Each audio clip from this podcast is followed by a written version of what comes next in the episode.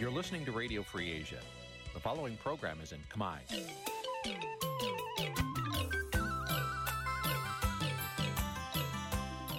នេះជាកម្មវិធីផ្សាយ Vuthu Azizi Serai នេះជាកម្មវិធីផ្សាយរបស់ Vuthu Azizi Serai ជាភាសាខ្មែរ Vuthu Azizi Serai សូមស្វាគមន៍លោកអ្នកនាងទាំងអស់ពីរដ្ឋធានី Washington នៃសហរដ្ឋអាមេរិក បាទពីរដ្ឋធានីវ៉ាស៊ីនតោនខ្ញុំបាទសេកបណ្ឌិតសូមជម្រាបសួរអស់លោកអ្នកនាងកញ្ញាទាំងអស់ជាទីមេត្រី បាទយើងខ្ញុំសូមជូនកម្មវិធីផ្សាយសម្រាប់រាត្រីថ្ងៃសៅរ៍3រោចខែមិញឆ្នាំខាលចត្វាស័កពុទ្ធសករាជ2566ត្រូវនៅថ្ងៃទី18ខែកុម្ភៈគ្រិស្តសករាជ2023បាទជាដំបូងនេះសូមអញ្ជើញអស់លោកអ្នកនាងស្ដាប់ព័ត៌មានប្រចាំថ្ងៃដែលមានមេត្តាដូចតទៅ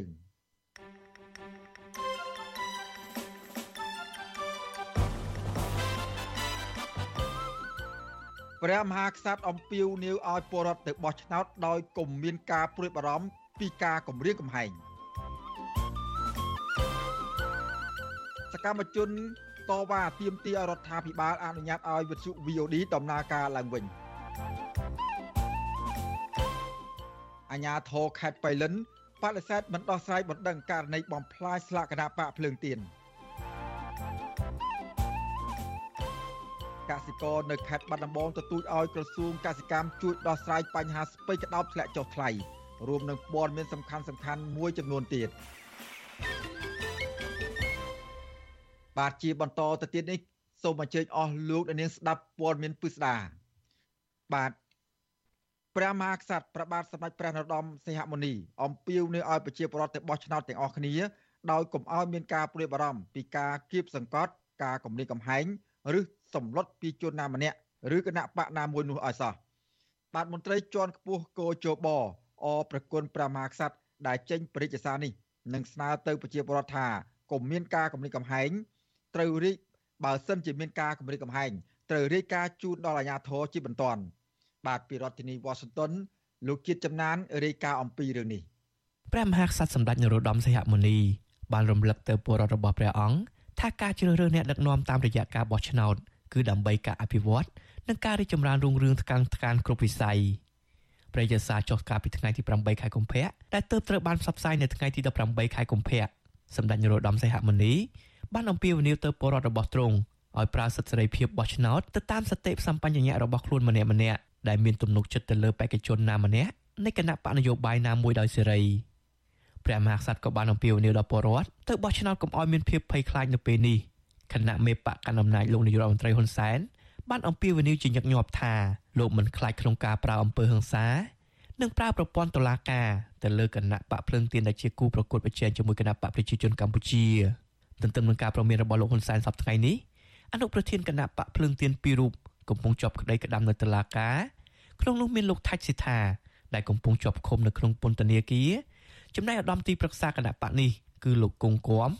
ត្រូវបានលាឈប់ពីគណៈបកនេះ ក្រោយពីគណៈបកប្រជាជនកម្ពុជានៅរដ្ឋាភិបាលលោកហ៊ុនសែនរឹបអូសដីផ្ទះនិងគម្រាមដាក់ពាក្យប្តឹងលោកជាច្រើនករណីអនុប្រធានគណៈបកភ្លឹងទៀនលោករងឈុនយល់ថាខ្លឹមសាររបស់ព្រះរាជសារព្រះមហាក្សត្រហាក់បីដូចជាព្រះអង្គបានដឹងពីទុកលំបាករបស់ពលរដ្ឋនិងអ្នកនយោបាយអនុប្រធានគណៈបកភ្លឹងទៀនរូបនេះយល់ថាតួអង្គដែលអាចអនុវត្តព្រះរាជសាររបស់ព្រះមហាក្សត្រគឺលោកនាយករដ្ឋមន្ត្រីហ៊ុនសែននិងស្ថាប័នកោជប ព្រះរាជសារយើងឃើញថាថាមានន័យខ្លឹមសារល្អបើយើងគោរពតម្កល់ព្រះមហាក្សត្រដែលជាទីសក្ការៈអ្នកនយោបាយទាំងអស់ទាំងគណៈបកកាន់អំណាចទាំងគណៈបកមិនកាន់អំណាចហើយស្ថាប័នអាជ្ញាកណ្ដាលនឹងត្រូវតែគោរពទៅតាមព្រះរាជសារដែលព្រះអង្គបានអំពាវនាវនេះបាទតើតើនឹងការលើកឡើងនេះវិសុអសិស្រ័យមិនអាចសុំការឆ្លើយតប ពីប្រធានអង្គភិបអ្នកនាំពាក្យរដ្ឋាភិបាលលោកផៃស៊ីប៉ានបានទេនៅថ្ងៃទី18ខែកុម្ភៈចំណែកអ្នកនាំពាក្យគណៈកម្មាធិការជាតិរៀបចំការបោះឆ្នោតលោកហងពុធាឲ្យវិសុអសិសរីដឹងថាកោជបបានផ្សព្វផ្សាយទៅប្រវត្តិជាបន្តបន្ទាប់ឲ្យបានយល់ដឹងពីការចុះឈ្មោះការពិនិត្យឈ្មោះនិងការត្រៀមខ្លួនទៅបោះឆ្នោតលោកហងពុធាលើកឡើងទៀតថាក្នុងករណីពលរដ្ឋរងការគៀបសង្កត់ការគំរាមកំហែងឬសម្លុតពីជនណាម្នាក់ឬគណៈបកណាមួយពលរដ្ឋត្រូវរាយការណ៍ទៅអាជ្ញាធរដែនដី ឬរាយការណ៍ទៅគណៈកម្មាធិការជាតិរៀបចំការបោះឆ្នោតឃុំសង្កាត់ដើម្បីឲ្យកោជបជួយដោះស្រាយ ទីមួយក៏ជាបអប្រគុណព្រះមហាក្សត្រដែលលោកជាតំណាង និងជាមនុស្សរបស់ប្រទេសជាតិលោកបានប្រកាសអំពីអ្វីដែលជាការរៀបចំ និងអ្វីដែលនឹងប្រព្រឹត្តទៅនៅក្នុងរាជាណាចក្រកម្ពុជានេះដើម្បីបងប្អូនជាប្រវត្តិលោកចេញទៅបោះឆ្នោតដោយគ្មានការភ័យខ្លាចបាទនេះគឺជាដំណើរការនៃការកសាងលទ្ធិប្រជាធិបតេយ្យឲ្យកាន់តែជឿនលឿនតាមរយៈការបោះឆ្នោតបាទមុនពេលមានការបោះឆ្នោតថ្នាក់ក្រោមជាតិនិងការបោះឆ្នោតថ្នាក់ជាតិម្ដងម្ដង ព្រះមហាក្សត្រតែងតែចេញព្រះរាជសារអំពាវនាវឲ្យពលរដ្ឋទៅបោះឆ្នោតដោយពុំមានការភ័យខ្លាចនាយកទទួលបន្ទុកកិច្ចការទូតនៃអង្គការលីកាដូលោកអំសំអាតលើកឡើងថាព្រះរាជសាររបស់ព្រះមហាក្សត្រនៅពេលនេះគឺជាការបង្ហាញថាព្រះអង្គចង់ឃើញពលរដ្ឋនិងគណៈបកនយោបាយមានសិទ្ធិនិងសេរីភាពពេញលេញចូលរួមការបោះឆ្នោតលោកបន្តទៀតថាកន្លងទៅសហគមន៍អន្តរជាតិនិងអង្គការសហប្រជាជាតិក៏ចង់ឃើញមានការគោរពសិទ្ធិសេរីភាពផ្នែកនយោបាយសេរីភាពបញ្ចេញមតិសេរីភាពសារព័ត៌មាន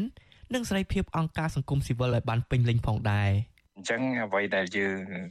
ចង់បានយើងអង្គការសង្គមស៊ីវិលយើងចង់បានហ្នឹងมันខុសអ្វីពីព្រះរាជសារព្រះមហាក្សត្រទេគឺចង់ឃើញរាល់គណៈបកនយោបាយទាំងអស់ហ្នឹងមានសិទ្ធិនិងមានសេរីភាពពេញលេញនៅក្នុងការចូលរួមក្នុងការប្រកួតប្រជែងក្នុងការបោះឆ្នោតហើយគ្មានការគំរាមកំហែង នៅសល់តែរយៈពេលជាង5ខែទៀតទេពលរដ្ឋកម្ពុជានឹងមានឱកាសបោះឆ្នោតបដូរមេដឹកនាំរបស់ខ្លួននៅថ្ងៃទី23ខែកក្កដាខាងមុខគណៈកម្មាធិការជាតិរៀបចំការបោះឆ្នោតได้ដឹងថាពលរដ្ឋបានចុះឈ្មោះបោះឆ្នោតមានជាង9លាន7សែននាក់ទោះជាយ៉ាងណាគណៈបកប្រឆាំងនៅក្រុមអង្គការសង្គមស៊ីវិលនៅមិនទាន់ឃើញរដ្ឋាភិបាលលោកហ៊ុនសែនបង្កភាពងាយស្រួលដល់គណៈបកនយោបាយឬពលរដ្ឋដើម្បីអាចចូលរួមការបោះឆ្នោតនេះដោយសេរីត្រឹមត្រូវនិងយុត្តិធម៌ដោយច្បាប់ចែង ដោយព្រះមហាក្សត្របានអំពាវនាវ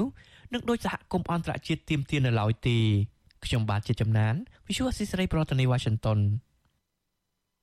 បាទលោកនាងកញ្ញាជាទីមេត្រីលោកនាងកំពុងតាមដានស្ដាប់ការផ្សាយរបស់វិទ្យុអស៊ីសេរីពីរដ្ឋធានីវ៉ាស៊ីនតោនសហរដ្ឋអាមេរិកបាទតកតងនឹងបញ្ហាគណៈបកនយោបាយឯនោះវិញ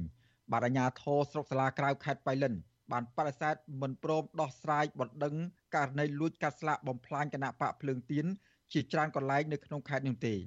បាទមន្ត្រីគណៈបកភ្លើងទៀនចាត់ទុកសកម្មភាពរបស់អាជ្ញាធរនេះថាជាការអនុវត្តច្បាប់មានស្តង់ដារ2និងបង្ហាញពីការរើសអើងនិន្នាការដែលបង្កឡើងដោយបកដែលបង្កឲ្យបរិយាកាសនយោបាយ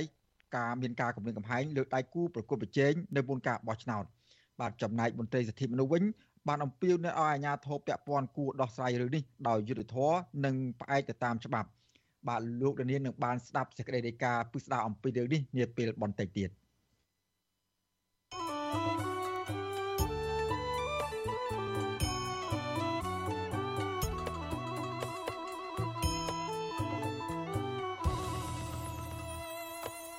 បាទលោកនាងកញ្ញាជាទីមេត្រីចំណាយឲ្យរឿងពាក់ព័ន្ធនឹងការដកហូតអាញាបានរបស់វិសុសម្លេងប្រជាធិបតេយ្យ VOD ឯនោះវិញបាទ ក្រមយុវជនខ្មែរថាវរៈក្រមស្ត្រីថ្ងៃសុខរួមជាមួយនឹងសកម្មជនសិទ្ធិមនុស្សផ្សេងផ្សេងទៀតជាង10នាក់បានរួមគ្នាតវ៉ានៅទីលានប្រជាធិបតេយ្យក្នុងរាជធានីភ្នំពេញដើម្បីស្នើសុំឲ្យរដ្ឋាភិបាលផ្ដល់អាជ្ញាប័ណ្ណដល់សារព័ត៌មាន VOD ឡើងវិញបាទមន្ត្រីអង្គការសង្គមស៊ីវិលលើកឡើងថារដ្ឋាភិបាលគួរពិចារណា ចំពោះការស្នើសុំរបស់ក្រមសកម្មជនសិទ្ធិមនុស្សទាំងនេះ ពីព្រោះការបន្តបិទសារព័ត៌មាន VOD มันបានផ្ដល់ផលចំណេញទៅដល់រដ្ឋាភិបាលអ្វីនោះឡើយ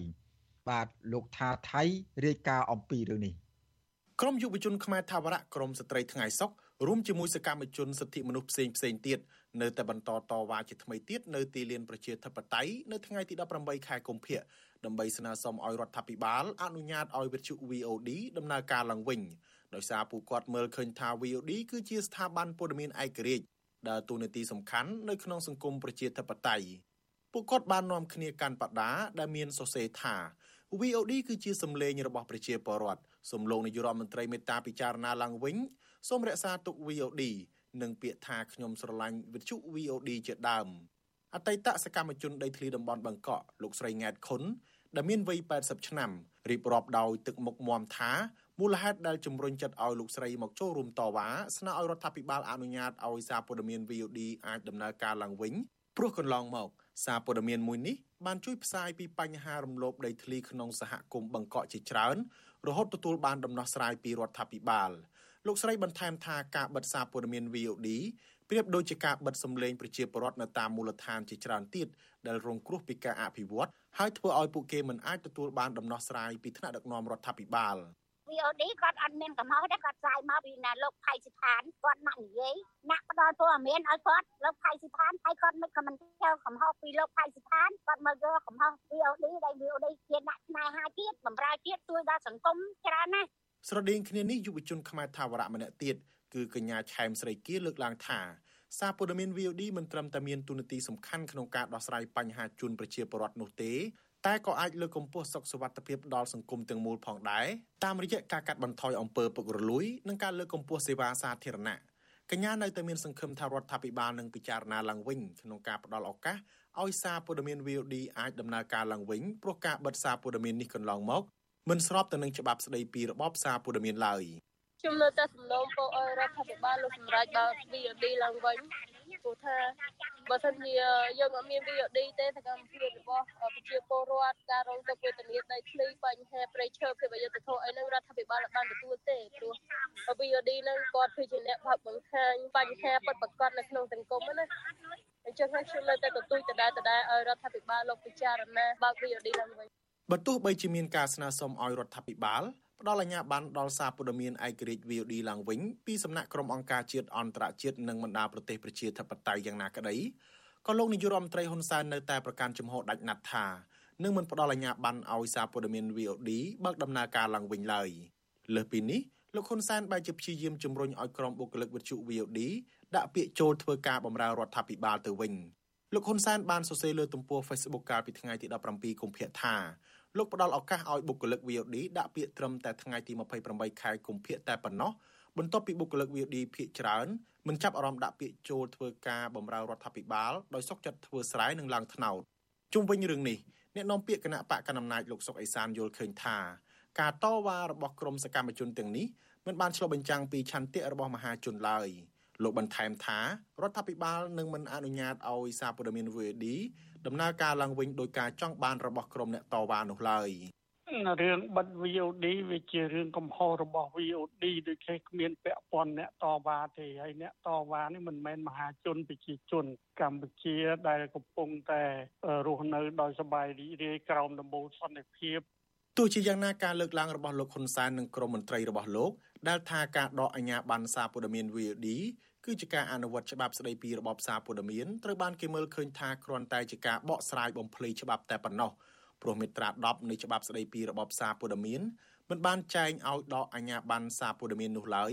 ដោយមាត្រានេះគ្រាន់តែបង្គាប់ឲ្យសារព័ត៌មានកែតម្រូវអត្ថបទដែលនាំឲ្យប៉ះពាល់ដល់បុគ្គលសាធារណៈឬសងជាជំងឺចិត្តដល់ដើមមិនដឹងរដ្ឋបវេនីតែប៉ុណ្ណោះ ជុំវិញរឿងនេះនាយកទទួលបន្ទុកកិច្ចការទូតនៃអង្គការលីកាដូលោកអំសំអាតគាំទ្រចំពោះការស្នើសុំរបស់ក្រុមសកម្មជនសិទ្ធិមនុស្សព្រោះសារព័ត៌មាន VOD ប្រៀបដូចជាទូអង្គភ្ជាប់ទំនាក់ទំនងរវាងប្រជាពលរដ្ឋពីគ្រប់មជ្ឈដ្ឋានជាមួយរដ្ឋាភិបាលជាមួយគ្នានេះលោកនៅតែសង្ឃឹមថារដ្ឋាភិបាលនឹងផ្ដល់ឱកាសឲ្យវិទ្យុសំឡេងប្រជាធិបតេយ្យ VOD ដំណើរការឡើងវិញដើម្បីទទួលបានការសាទរពីសហគមន៍ជាតិនិងអន្តរជាតិនិងជំរុញឲ្យមានអភិបាលកិច្ចល្អ ចំហអង្គការសង្គមស៊ីវិលជាច្រើន មើលឃើញថាវត្ថុ VD ដែលទូទានទីសំខាន់ក្នុងលទ្ធិជាតិបតៃក៏ដូចជាចូលរួមក្នុងការអភិវឌ្ឍសង្គមជាតិយើងជាពិសេសវត្ថុមួយដែលផ្ដល់ឱកាសសម្រាប់បងប្អូនប្រជាពលរដ្ឋក្នុងការចូលរួមការបញ្ចេញមតិឬក៏ការទទួលនៃព័ត៌មានឯករាជ្យមួយហ្នឹងគឺនៅតែចង់ឃើញ VD ហ្នឹងមានការដំណើរការជាបន្តទៅទៀត លោកហ៊ុនសែនបានបញ្ជាឲ្យក្រសួងព័ត៌មានដកអាជ្ញាប័ណ្ណសារព័ត៌មានសម្លេងប្រជាធិបតេយ្យ VOD យ៉ាងតក់ក្រហល់កាលពីថ្ងៃទី13ខែកុម្ភៈបន្ទាប់ពីសារព័ត៌មានមួយនេះបានចុះផ្សាយនៅអត្ថបទមួយដែលប៉ះពាល់ដល់កូនប្រុសរបស់លោកទោះជាយ៉ាងណាសាធារណជនស្ថាប័នជាតិនិងអន្តរជាតិបានមើលឃើញយ៉ាងច្បាស់ពីចេតនារបស់លោកហ៊ុនសែនក្នុងការបិទសារព័ត៌មាននេះបណ្ដាប្រទេសនាំមុខប្រជាធិបតេយ្យនិងអង្គការសង្គមស៊ីវិលជាតិនិងអន្តរជាតិលើកឡើងថា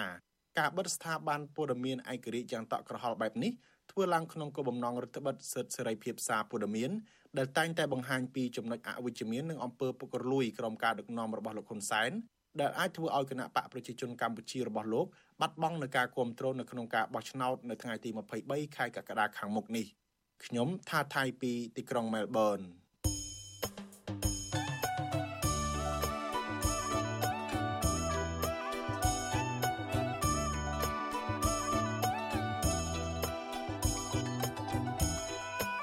បាទលោកនាងកញ្ញាជាទីមេត្រីលោកនាងកំពុងតាមដានស្ដាប់ការផ្សាយរបស់វិទ្យុអសីសេរីពីរដ្ឋធានីវ៉ាស៊ីនតោនសហរដ្ឋអាមេរិកបាទដំណើរគ្នានឹងស្ដាប់ការផ្សាយរបស់វិទ្យុអសីសេរីតាមបណ្ដាញសង្គម Facebook និង YouTube នោះលោកនាងក៏អាចស្ដាប់កម្មវិធីផ្សាយរបស់វិទ្យុអសីសេរីតាមរយៈរលកធាតុអាកាសខ្លីឬ Shortwave តាមកម្រិតនិងកម្ពស់ដូចតទៅនេះបាទពេលព្រឹកចាប់ពីម៉ោង5កន្លះដល់ម៉ោង6កន្លះតាមរយៈប៉ុស SW 9.39 MHz ស្មើនឹងកម្ពស់ 32m និងប៉ុស SW 11.85 MHz ស្មើនឹងកម្ពស់ 25m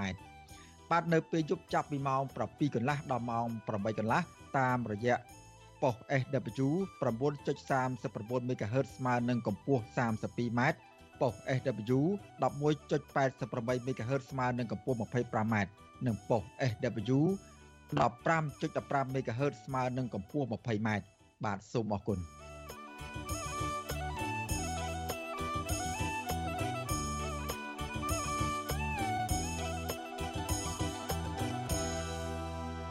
បាទលោកដានាងកញ្ញាជាទីមេត្រីតកតងនឹងផលដំណាំរបស់ប្រជាកសិករនៅឯខេត្តបាត់ដំបងនៅវិញបាទប្រជាកសិករនៅស្រុកសំឡូតខេត្តបាត់ដំបង ទទូចឲ្យក្រសួងកសិកម្មជួយដោះស្រាយបញ្ហាស្ពៃក្តោបចុះថោកដើម្បីឲ្យពួកគាត់អាចរកប្រាក់ចំណូលផ្គត់ផ្គង់ជីវភាពគ្រួសារនិងមានលទ្ធភាពដោះស្រាយបំណុលជូនធនាគារបាទពីរដ្ឋធានីវ៉ាស៊ីនតោនលោកយ៉ងច័ន្ទរារាយការណ៍អំពីរឿងនេះកសិករនៅស្រុកសំឡូតស្នើដល់រដ្ឋាភិបាលឲ្យជួយដោះស្រាយបញ្ហាបន្លែស្ពៃក្តោបគ្មានទីផ្សារដែលធ្វើឲ្យពួកគាត់ខាត់បង់ដើមទុន និងប៉ះពាល់ដល់ជីវភាពកសិករវ័យជាង30ឆ្នាំ លោកពូនរបាំងប្រាប់វិទ្យុអាស៊ីសេរីនៅថ្ងៃទី18កុម្ភៈថាប៉ុន្មានថ្ងៃមកនេះលោកលក់ស្ពៃក្តោបដាច់ជាងពីមុនក្រោយពេលបង្ហោះសារនៅលើបណ្ដាញសង្គម Facebook ក៏ប៉ុន្តែលោកថាស្ពៃក្តោបនៅតែមានតម្លៃថោកដដែល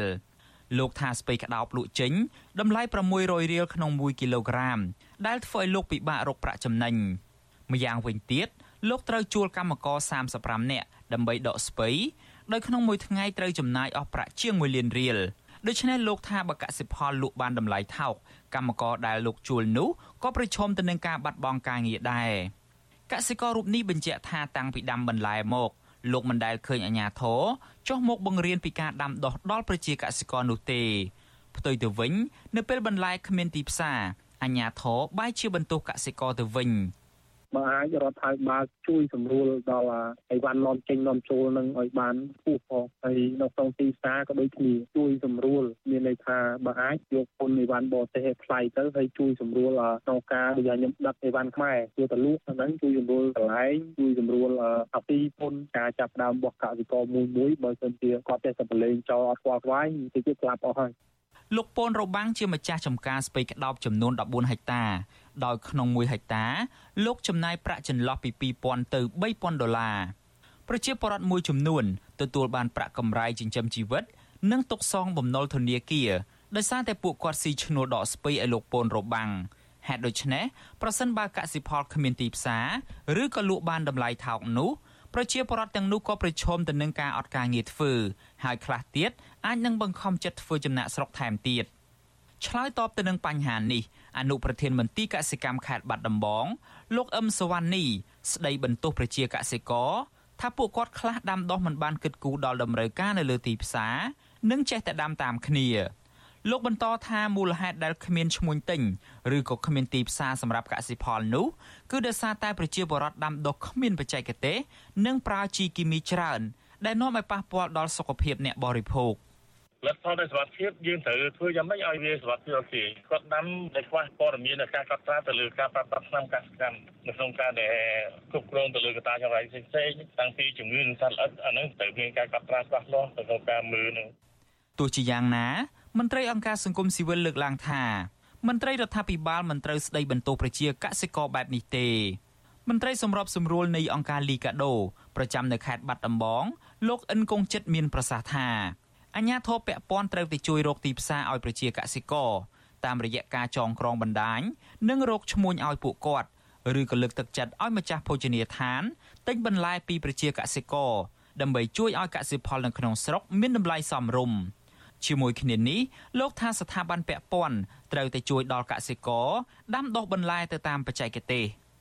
រដ្ឋត្រូវលើកទឹកចិត្តកសិករដោយឲ្យកសិករគាត់កើតជាសហគមន៍ឬជាសមាគមបង្កើតបណ្ដាញហើយបណ្ដាញហ្នឹងគឺគួរភ្ជាប់ទំនាក់ទំនងជាមួយនឹងខាងមន្ត្រីរដ្ឋាភិបាលផ្នែកក្រសួងពាណិជ្ជកម្មក្រសួងកសិកម្មនិងខាងពន្ធដារហើយរដ្ឋត្រូវយកចិត្តទុកដាក់លើកកម្ពស់ផ្ដល់បច្ចេកទេសដល់ប្រជាពលរដ្ឋក្នុងការឲ្យគាត់មានជំនាញក្នុងការដាំដុះមាត្រា62នៃរដ្ឋធម្មនុញ្ញចែងថារដ្ឋាភិបាលត្រូវយកចិត្តទុកដាក់ ជួយដោះស្រាយមធ្យោបាយផលិត និងការពារថ្លៃផលិតផលជូនដល់កសិករសិប្បករនិងជួយរកទីផ្សារលក់ផលិតផលប្រជាពលរដ្ឋនិងសង្គមស៊ីវិលអំពាវនាវដល់រដ្ឋាភិបាលនិងស្ថាប័នពាក់ព័ន្ធរកវិធីសាស្ត្រដោះស្រាយបញ្ហាតម្លៃថោកនៃបន្លែស្ពៃក្តោបនិងកសិផលដទៃទៀតដើម្បីជួយដល់កសិករឲ្យបានទាន់ពេលវេលាកុំឲ្យពួកគាត់បោះបង់ចោលមុខរបរនិងទប់ស្កាត់កសិករចំណាក់ស្រុកទៅធ្វើការនៅក្រៅប្រទេស ខ្ញុំយ៉ងច័ន្ទដារាវិទ្យុអាស៊ីសេរី Washington កម្មវិធីវិទ្យុអាស៊ីសេរីសម្រាប់ទូរស័ព្ទដៃអាចឲ្យលោកអ្នកនាង អានអត្ថបទទស្សនាវីដេអូនិងស្ដាប់ការផ្សាយផ្ទាល់ដោយឥតគិតថ្លៃនិងដោយគ្មានការរំខានដើម្បីអាននិងទស្សនាមេតិការថ្មីថ្មីពីវិទ្យុអាស៊ីសេរីលោកអ្នកនាងគ្រាន់តែចុចបាល់កម្មវិធីរបស់វិទ្យុអាស៊ីសេរី ដែលបានដំឡើងរួចរាល់លើទូរស័ព្ទដៃរបស់លោកអ្នកនាងប្រសិនបើលោកអ្នកនាងចង់ស្ដាប់ការផ្សាយផ្ទាល់ឬការផ្សាយចាស់ចាស់សូមចុចលើប៊ូតុងរូបវិទ្យុដែលស្ថិតនៅផ្នែកខាងក្រោមនៃកម្មវិធីជាការស្ដាយ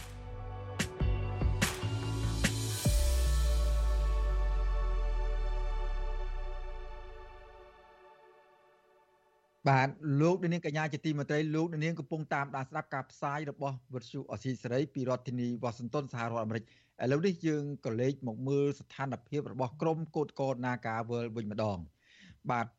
កោតកោ Nagawal ទាមទាររដ្ឋាភិបាលជួយរកដំណោះស្រាយឲ្យបានសមរម្យនិងអាចទទួលយកបាន ចំពោះវិវាទការងារដែលអូសបន្លាយពេលជាង1ឆ្នាំទៅហើយ។បាទសង្គមស៊ីវិលស្នើសុំឲ្យក្រសួងការងារ ប្រើប្រាស់ច្បាប់ការងារមកដោះស្រាយវិវាទការងារមួយនេះនិងជៀសវាងការដោះស្រាយលំអៀងទៅភាគីក្រុមហ៊ុន បាទពីរដ្ឋធានី Washington លោកយុនសាមៀនរាយការណ៍អំពីរឿងនេះកោតក្រក្រុមហ៊ុន Naga World នៅតែបន្តទាមទារឲ្យរដ្ឋាភិបាលពន្លឿនការដោះស្រាយវិវាទការងារជូនពួកគាត់គណៈជំនួបរវាងក្រុមហ៊ុននិងកោតក្រ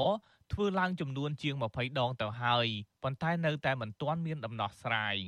តំណាងសហជីពម្នាក់នៃក្រុមកោតក្រ Nagawal លោកស្រីរីសវណ្ណឌីឲ្យដឹងថាខាងសហជីពនៅតែបន្តទៀមទីឲ្យរដ្ឋាភិបាលដោះស្រាយវិវាទការងារជូនកោតក្រដែលត្រូវក្រុមហ៊ុនបញ្ឈប់ពីការងារលោកស្រីបន្តថាពួកគាត់ចង់ឲ្យក្រុមហ៊ុនទទួលយកបុគ្គលិកដែលនៅសេសសល់ចូលធ្វើការងារវិញនិងស្នើឲ្យមានសហជីពដែលបម្រើផលប្រយោជន៍ជូនកម្មករពិតប្រាកដនៅកន្លែងការងារ ចាអើយសនុំពើរបស់ខ្ញុំតែនៅខាងក្រសួងកំណត់ហេតុលើកទី24ហើយហើយតែពួកខ្ញុំបានចូលទៅចរចាវាលើកទី22ហើយចាប់តាំងពីពួកយើងចេញពីពន្ធនាគារមកយើងសនុំពើឲ្យខាងក្រសួងយកមាត្រា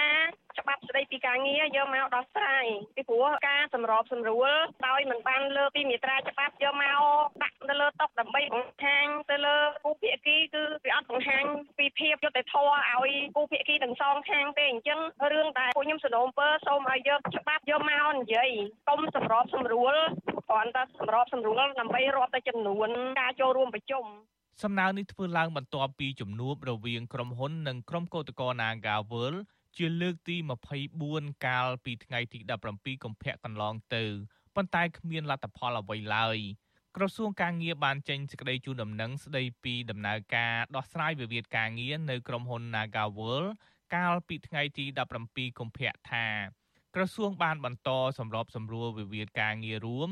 នៅក្នុងក្រុមហ៊ុន Nagawal ស្របតាមទួនាទីដែលមានចែងនៅក្នុងច្បាប់ក្រសួងការងារអះអាងថាភាគីទាំងពីរមិនទាន់រកឃើញចំណុចណាមួយឯកភាពគ្នានោះទេដោយភាគីកម្មករទាមទារឲ្យយកពួកគេចូលធ្វើការងារវិញ តែភាគីក្រុមហ៊ុន នៅតែមិនព្រមឲ្យពួកគេចូលធ្វើការងារវិញឡើយ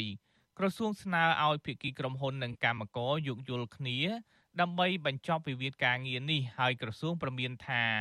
បើមិនអាចដោះស្រាយដោយផ្សះផ្សាបានទេនោះនីតិវិធីបន្ទាប់នោះគឺអាចបញ្ជូនទៅតុលាការដើម្បីដោះស្រាយបញ្ចប់វិវាទទោះបីជាយ៉ាងណាតំណាងកោតក្រ Nagawal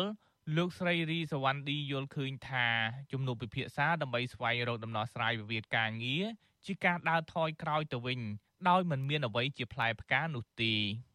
ការចូលទៅចរចាមិនមែនចរចាទេប៉ុន្តែកំពុងតែដើរថយក្រោយកំពុងតែដើរត្រឡប់ថយក្រោយមានន័យថាយើងកំពុងតែមានវិវាទរួមតាក់ទងកោតកម្មដែលក្រុមហ៊ុនយាមនីសហជីពរបស់យើងប៉ុន្តែក្រុមហ៊ុនកំពុងតែព្យាយាមទាញយកទៅជាបុគ្គលិកតែគាត់ចេញមកលះបង់ការងារខ្លួនឯងចេញមកធ្វើកោតកម្មហ្នឹងទៅជាអវត្តមានខុសច្បាប់វិញពាក់ព័ន្ធទៅនឹងករណីនេះប្រធានអង្គការសម្ព័ន្ធភាពការពារសិទ្ធិមនុស្សកម្ពុជា លោករស់សថាមានប្រសាសន៍ថា ប្រសិនបើវិវាទការងារនេះមិនអាចស្វែងរកដំណោះស្រាយតាមនីតិវិធីច្បាប់នោះទេភាគីកោតក្រនឹងបាត់បង់ផលប្រយោជន៍លោកស្នើឲ្យក្រសួងការងារប្រើប្រាស់យន្តការដោះស្រាយទំនាស់ឲ្យបានគ្រប់ជ្រុងជ្រោយមុននឹងបញ្ជូនករណីនេះទៅតុលាការ តែងតែនិយាយថាទាំងអាជ្ញាធរទាំងក្រសួងការងារតែនិយាយថាគាត់មិននៅខាងនៃក្រុមហ៊ុនទេហើយក្រុមហ៊ុនក៏មិនបានផ្ដល់ឲ្យពួកគាត់ដែរក៏ប៉ុន្តែអ្វីដែលយើងធ្វើនឹងវាលេចជារូបភាពមួយថាយើងនៅនៅខាងខ្ញុំមិនចោទទេណាប៉ុន្តែវារូបភាពរបៀបដែលយើងធ្វើនឹងវាបង្ហាញនៅរូបភាពមួយថាយើងហាក់បីដូចជានៅជាមួយនឹងតែក្រុមហ៊ុនណាដូច្នេះយើងធ្វើមកយើងធ្វើឲ្យឲ្យយុតិធម៌មកឲ្យឯករាជ្យមើលដើម្បីកែប្រែរូបភាពនឹងឡើងវិញបាទក្រុមកោតក្រ Nagawal នៅមិនទាន់ទទួលបានដំណោះស្រាយណាមួយ ឲ្យបានសមស្របនៅឡើយទេមកទល់ពេលនេះស្របពេលដែលវិវាទការងារនេះបានជាប់គាំងជាង1ឆ្នាំទៅហើយក្រុមបុគ្គលិកនិងសហជីពថែមទាំងទទួលរងនៅការគំរាមកំហែងការធ្វើទុកបុកម្នេញគ្រប់រូបភាពការចោទប្រកាន់តាមផ្លូវតុលាការហើយមេដឹកនាំសហជីពត្រូវបានតុលាការចាប់ដាក់ពន្ធនាគារទៀតផងខ្ញុំយុនសាមៀនវិទ្យុអាស៊ីសេរីប្រធានាធិបតី Washington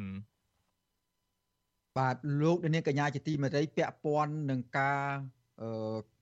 រំលោភបំពានទៅលើសិទ្ធិរបស់គណៈបកនយោបាយនៅតាមបណ្ដាខេត្តឯនោះវិញ បាទអាជ្ញាធរស្រុកសាលាក្រៅខេត្តបៃលិន បានបដិសេធមិនដោះស្រាយបណ្ដឹងករណីលួចកាត់បំផ្លាញស្លាកគណៈបកភ្លើងទៀនជាច្រើនកន្លែងនៅក្នុងខេត្តនេះទេបាទមន្ត្រីគណៈបកភ្លើងទៀនចាត់ទុកសកម្មភាពរបស់អាជ្ញាធរនេះថាជាការអនុវត្តច្បាប់មានស្តង់ដារ2និងបង្ហាញពីការរើសអើងនិន្នាការ ដែលបង្កបរិយាកាសគំរាមកំហែងលើដៃគូប្រកួតប្រជែងនៅមុនការបោះឆ្នោតបាទចំណែកឯមន្ត្រីសិទ្ធិមនុស្សវិញអំពាវនាវដល់អាជ្ញាធរពាក់ព័ន្ធថាគួរដោះស្រាយរឿងនេះដោយយុត្តិធម៌និងផ្អែកទៅតាមច្បាប់បាទពីរដ្ឋធានីវ៉ាស៊ីនតោនអ្នកស្រីម៉ៅសុធានីរាយការណ៍រឿងអំបាទពីរដ្ឋធានីវ៉ាស៊ីនតោនអ្នកស្រីម៉ៅសុធានីរាយការណ៍អំពីរឿងនេះ គណៈបកភ្លើងទៀនខេត្តបៃលិនលើកឡើងថាស្ថានភាពនយោបាយមុនការបោះឆ្នោតកាន់តែអាប់អួរដោយសារតែរូបភាពនៃការគម្រាមកំហែងការដាក់សម្ពាធការបំផិតបំភ័យស្ទើរគ្រប់រូបភាពពីសំណាក់អាជ្ញាធរជាហោហែ ពួកគេថាបើសិនជារឿងអយុត្តិធម៌កើតឡើង ចំពោះគណៈបកប្រឆាំងកម្រទទួលបានដំណោះស្រាយណាស់ដូចជាករណីអាញាធមមូលដ្ឋានលួចកាប់បំផ្លាញស្លាកគណៈបកភ្លើងទៀនកាលពីពេលថ្មីថ្មីនេះសមត្ថកិច្ចមិនអើពើស្វែងរកយុត្តិធម៌និងផ្ដន្ទាទោសជនល្មើសតាមច្បាប់នោះឡើយ។ ប្រធានគណៈបកភ្លើងទៀនខេត្តបៃលិនលោកខឹមមនីកសោប្រាប់វិទ្យុអស៊ីសេរី នៅថ្ងៃទី18ខែកុម្ភៈថាលោកបានដាក់ពាក្យបណ្ដឹងមេឃុំសាលាក្រៅនៃមេឃុំស្ទឹងកាច់ទៅប៉ុស្តិ៍នគរបាលឃុំចំនួន2ដាច់ដោយឡែកកាលពីថ្ងៃទី16ខែកុម្ភៈនិងថ្ងៃទី17ខែកុម្ភៈដោយបានភ្ជាប់ជាមួយផតតាងក្រោយពេលដែលមេឃុំនិងបកពួកធ្វើសកម្មភាពលួចកាប់បំផ្លាញស្លាកគណៈបកភ្លើងទៀនអស់ជាច្រើនផ្ទាំង ប៉ុន្តែលោកថាមន្ត្រីប៉ូលីសទាំងនោះច្រានចោលដោយមិនហ៊ានទទួលពាក្យបណ្ដឹងរបស់លោកយកទៅដោះស្រាយនោះឡើយហើយលោកយល់ឃើញថាការដែលអាជ្ញាធរមានសមត្ថកិច្ចមិនចុះស្រាវជ្រាវឬស៊ើបអង្កេតរកការពិតជំវិញរឿងនេះគឺបង្ហាញពីការអនុវត្តច្បាប់មិនស្មើភាពហើយលោកបារម្ភថាសកម្មភាពទាំងនេះនឹងធ្វើឲ្យប៉ះពាល់ដល់ដំណើរការបោះឆ្នោតនាពេលខាងមុខ ទោះយ៉ាងណាលោកខឹមមនីកសលបានដឹងថាលោកនឹងប្តឹង ទៅស្នងការនគរបាលខេត្តបៃលិននៅថ្ងៃទី20ខែកុម្ភៈខាងមុខ ក្នុងនាមជាសមាជិកហេតុអីក៏មិនហ៊ានដោះស្រាយមិនហ៊ានទទួលពាក្យពួកខ្ញុំប្តឹងអាហ្នឹងគាត់ត្រូវតែមានសមាជិកស៊ើបអង្កេតទៅហើយបើថាអូអាជ្ញាធរហ្នឹងគាត់ធ្វើត្រូវគាត់ធ្វើការសន្និដ្ឋានទៅគាត់អីទៅហើយគាត់ប្រជុំមកគាត់សម្របសម្រួលគ្នាទៅអានេះគាត់គាត់អត់ទទួលពាក្យបណ្ដឹងរបស់យើងហើយច្បាប់យើងមានហើយអញ្ចឹងយើងត្រូវតែគោរពឲ្យបានទាំងអស់គ្នាកុំយកច្បាប់ហ្នឹងមកសកត់តែលើគណៈបកភ្លើងទៀនហើយគណៈបកផ្សេងទៀតហ្នឹងហាក់ដូចជាធូររលុងធ្វើអីតាមចិត្តគណៈបកភ្លើងទៀនខេត្តបៃលិនបានដឹងថាក្នុងរយៈពេលតែមួយសប្តាហ៍ស្លាកសញ្ញារបស់គណៈបកនេះចំនួន4ត្រូវបានអាជ្ញាធរឃុំនិងជន់មិនស្គាល់អត្តសញ្ញាណលួចកាប់បំផ្លាញជាបន្តបន្ទាប់ជាក់ស្ដែងកាលពីថ្ងៃទី9ខែកុម្ភៈមេឃុំសាលាក្រៅបានដឹកនាំកម្លាំងមន្ត្រីក្រមអាវ៉ាត បានកាប់បំផ្លាញស្លាកគណៈបកភ្លើងទៀនមួយផ្ទាំងស្ថិតនៅក្នុងភូមិកំពង់ចម្លងក្រោមឃុំសាលាក្រៅចំណែកឯមេឃុំស្ទឹងកាច់វិញក៏បាននាំមេភូមិនិងអាជ្ញាធរក្រោមអវាទលួចកាប់បំផ្លាញស្លាកគណៈបកចំនួន2កន្លែងបន្ថែមទៀតដែលដាក់នៅតាមចិញ្ចើមផ្លូវក្នុងភូមិផ្សារព្រំជើងឃុំស្ទឹងកាច់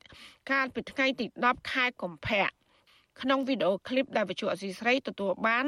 បង្ហាញថាក្រុមអាជ្ញាធរទាំងនោះមានគ្នាជិត10នាក់បានទៅកាត់ផ្ដួលស្លាកគណៈបកភ្លើងទៀនទាំងកណ្ដាលថ្ងៃរួចសែងដាក់លើឡានដឹកយកទៅបាត់ដោយពុំមានអាជ្ញាធរណាហាមឃាត់នោះឡើយបច្ចុប្បន្នអាជ្ញាធរបានរក្សាទុកស្លាកគណៈបកភ្លើងទៀនចំនួន3ផ្ទាំងនោះនៅក្នុងសាលាឃុំនៅឡើយ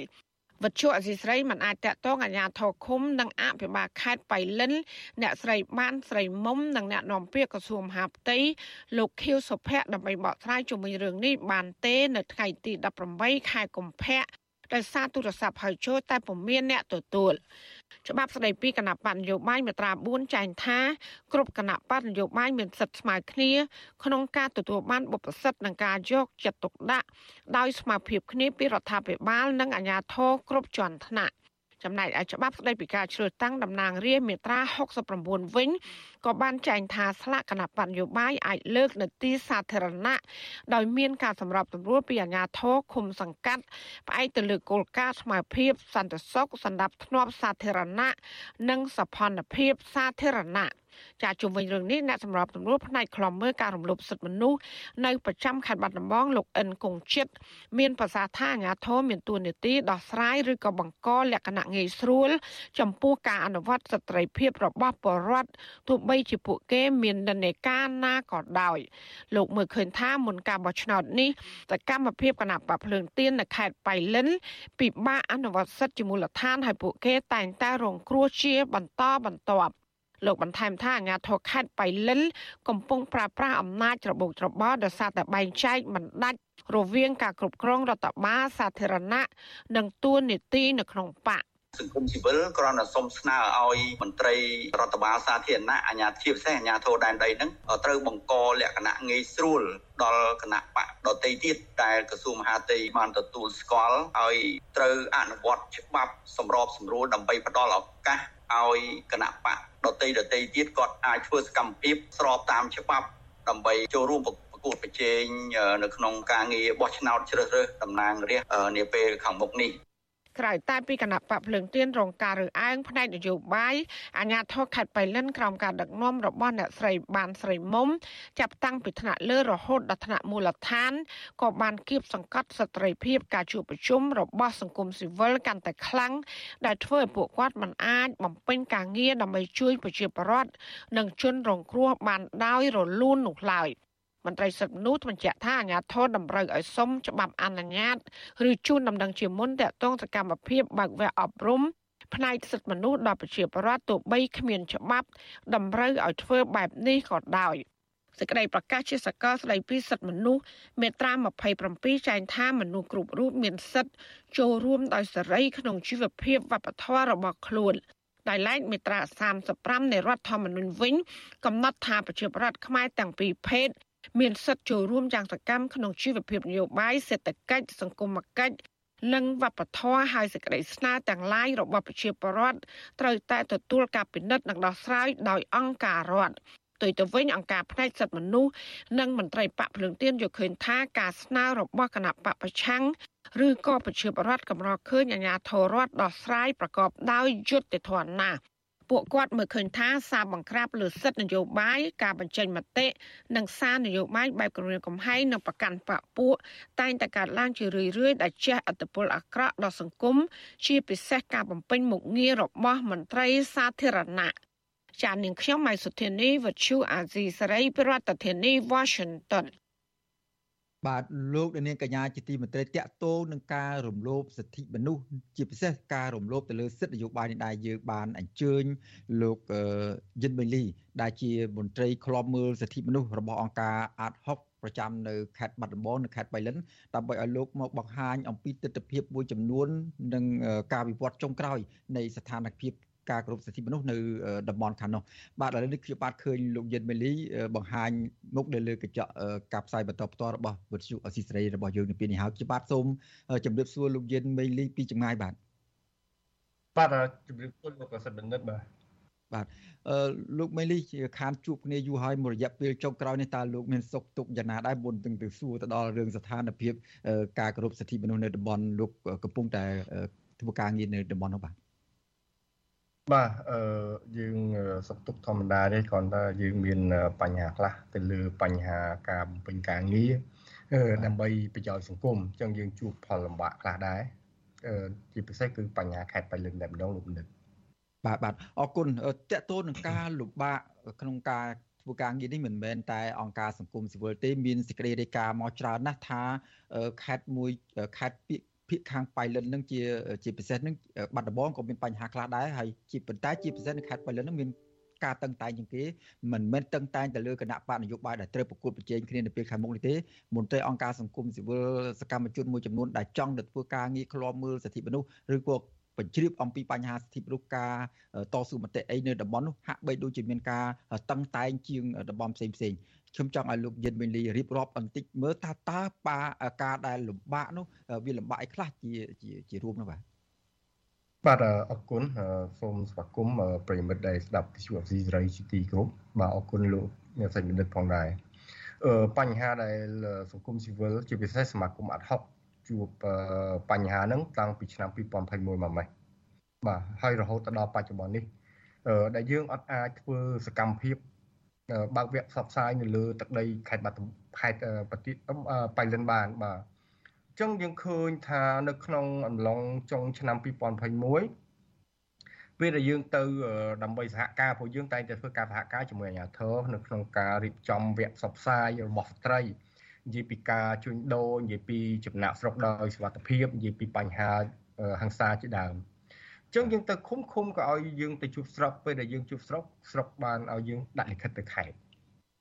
យើងក៏ដាក់លិខិតតែលិខិតមិនមែនលិខិតជូនដំណឹងទេអូមិនមែនជាលិខិតសុំច្បាប់ទេបាទគឺជាលិខិតជូនដំណឹងព្រោះវាអត់មានច្បាប់ឲ្យយើងសុំណាដល់ចឹងយើងជូនដំណឹងដាក់ទៅខេត្តតាមអ្វីដែលអាជ្ញាធរគាត់ប្រាប់សុំកិច្ចសហការក្នុងការរៀបចំវគ្គផ្សព្វផ្សាយហ្នឹងតែពេលដែលឆ្លើយតបគឺខាងស្រុកទៅវិញជាអ្នកឆ្លើយតបតែលិខិតយើងដាក់ទៅខេត្ត ដល់ពេលឆ្លើយតបយកបញ្ហាកូវីដលើកមកឬបញ្ហាអូមីក្រុងអញ្ចឹងយើងឃើញថានៅចុងឆ្នាំ2021ហើយនឹងនៅខែកុម្ភៈ2022រាជរដ្ឋាភិបាលបានបិទបញ្ចប់បញ្ហាអឺកូវីដនេះនេះតាមខ្ញុំចាំអញ្ចឹងហេតុផលហ្នឹងយើងអត់អាចទទួលយកបានដោយសារតែសាលារៀនក៏បើករោងបនរោងការក៏បើកហើយយើងជួបជុំគ្នាមនុស្ស60នាក់យើងរក្សាស្តង់ដារដដែលយកហេតុផលហ្នឹង អញ្ចឹងរយៈពេលក្នុងឆ្នាំ2021យើងអត់បានធ្វើសកម្មភាពទេ រហូតដល់អំឡុងខែ10បាទខែ10 2022យើងធ្វើលិខិតពីរផ្ទួនគ្នាចេញទៅតែម្ដងលិខិតទី1គឺយើងដាក់ទៅខាងអាជ្ញាធរខេត្តទៀតជូនដំណឹងស្ដីពីការរៀបចំបវៈលិខិតមួយទៀតយើងដាក់សុំធ្វើការណាត់ជួបតែ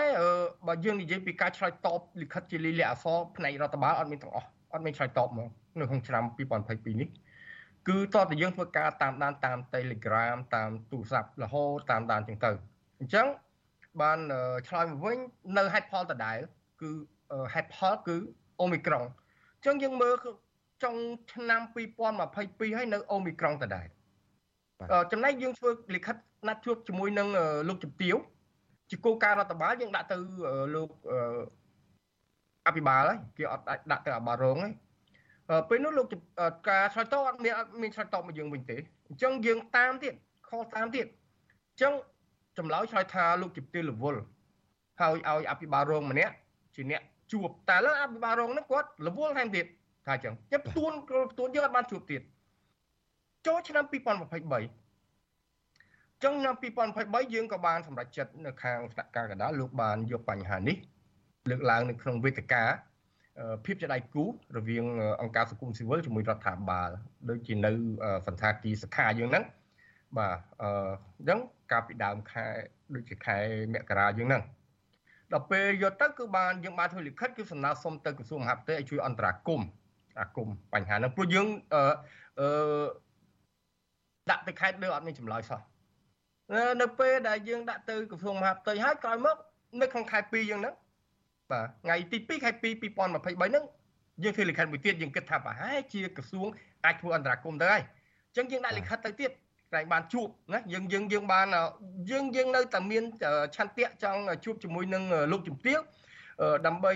និយាយគ្នាគ្មានអីសំខាន់ជាងការជួបនិយាយគ្នានឹងទេយើងយើងជឿជាក់អញ្ចឹងអញ្ចឹងយើងដាក់លិខិតទៅទៀតចម្លើយមកវិញអត់មានការឆ្លើយតបជាលីលាអសរទេ ចម្លើយមកវិញគឺយើងតាមយើងតាមតាំងពីថ្ងៃពហុថ្ងៃសុក្រថ្ងៃសៅរ៍ក៏យើងតាមដែរហើយយើងជួបថ្ងៃច័ន្ទអញ្ចឹងយើងដាក់ទៅតាំងពីថ្ងៃទី2បាទរហូតដល់ថ្ងៃទី8ទី9ទី10ទី11យើងតាមរហូតទៀត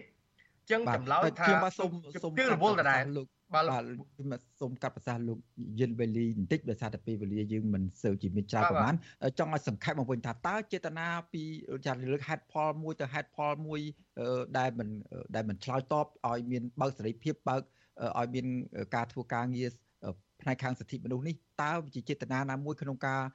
រារាំងមិនឲ្យមានសកម្មភាពផ្សព្វផ្សាយឬមួយក៏អប់រំអំពីសិទ្ធិមនុស្សនេះតែម្ដងឬមួយក៏ដល់ហេតុផលអូមីក្រុងនេះ ដែលជាកត្តាសំខាន់បើតាមលោកមើលឃើញទៅអឺវាមិនមែនជាកត្តាអូមីក្រុងទេព្រោះឥឡូវដូចខ្ញុំបានជម្រាបមិញហ្នឹងថាដូចជា20កុម្ភៈ2022រាជរដ្ឋាភិបាលបាត់បាត់បញ្ចប់ហើយរឿងកូវីដហ្នឹងអញ្ចឹង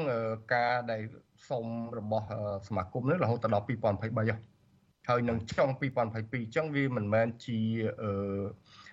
បញ្ហាកត្តាកូវីដទេ ណាហើយយើងយើងក៏ពិបាកនឹងថាថាតើលោកជំទាវបានដឹងរឿងហ្នឹងទេឬក៏លិខិតរបស់យើងត្រូវបានកប់ត្រឹមណាមួយនេះដែលជាតែចង្អល់ព្រោះដោយសារតែយើងអត់បានជួប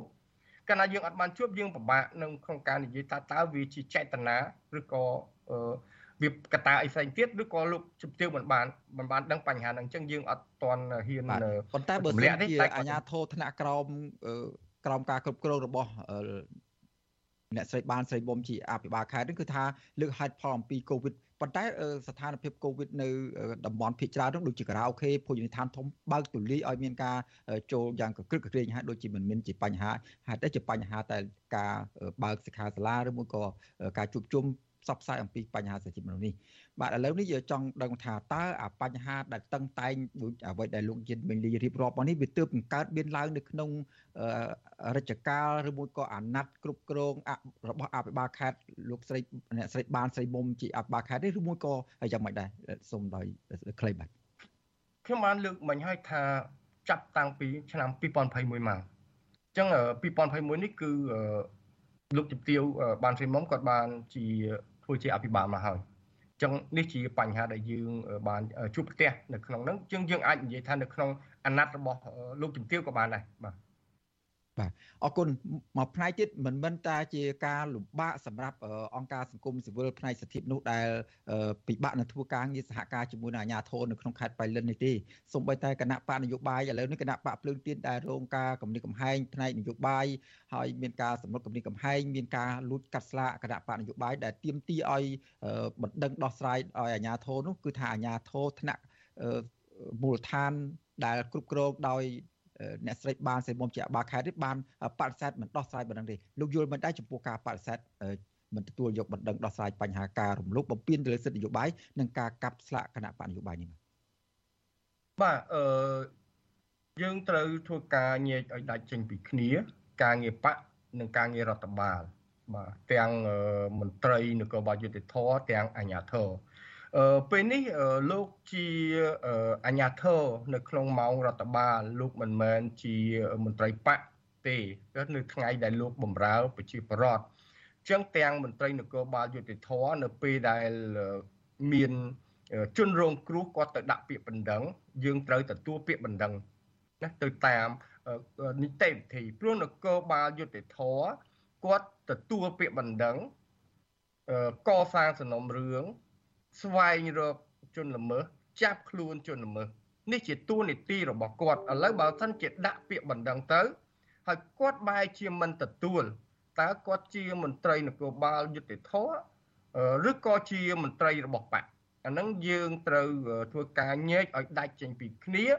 កុំឲ្យវាច្បោកច្បល់គ្នារវាងតួនាទីជាមន្ត្រីនគរបាលយុតិធធតួនាទីជាអាជ្ញាធរជាមួយនឹង តួនាទីបកបាទអញ្ចឹងយើងត្រូវញែកឲ្យដាច់ចេញពីគ្នាកុំឲ្យច្បោកច្បល់គ្នានៅក្នុងតួនាទីនេះបាទបាទអរគុណចំណុចមួយទៀតបើសិនជាមានការរៀបរៀងតឹងតែងមិនដោះស្រាយមិនអើពើចំពោះការដែលសហការជាមួយនឹងមន្ត្រីសិទ្ធិមនុស្សអង្គការសិទ្ធិមនុស្សនិងគណៈបកនយោបាយតើវានឹងផលប៉ះពាល់អីខ្លះទៅដល់ការរស់នៅបកករបរអាជីវកម្មនិងស្វែងរកយុត្តិធម៌នៅក្នុងសង្គមរបស់អ្នករស់នៅក្នុងខេត្តបោះពុរដ្ឋនៅក្នុងខេត្តបៃលិនជាពិសេសចិត្តដល់ការបោះឆ្នោតជាតិនាពេលខាងមុខនេះផងបាទសូមដល់សង្ខេបលោកយានបាទយើងមានការផ្សព្វផ្សាយដែលមិនអោយខាងសង្គមស៊ីវិលអញ្ចឹងផលដែលវគ្គផ្សព្វផ្សាយឲ្យដឹងនោះគឺប្រជាពលរដ្ឋជាអ្នកទទួលផលព្រោះយើងនិយាយពីសវត្តទេសន្តរប្រវេសដោយសវត្ថភាពអញ្ចឹងខេត្តបៃលិនជាខេត្តមួយជាប់ព្រំដែនថៃ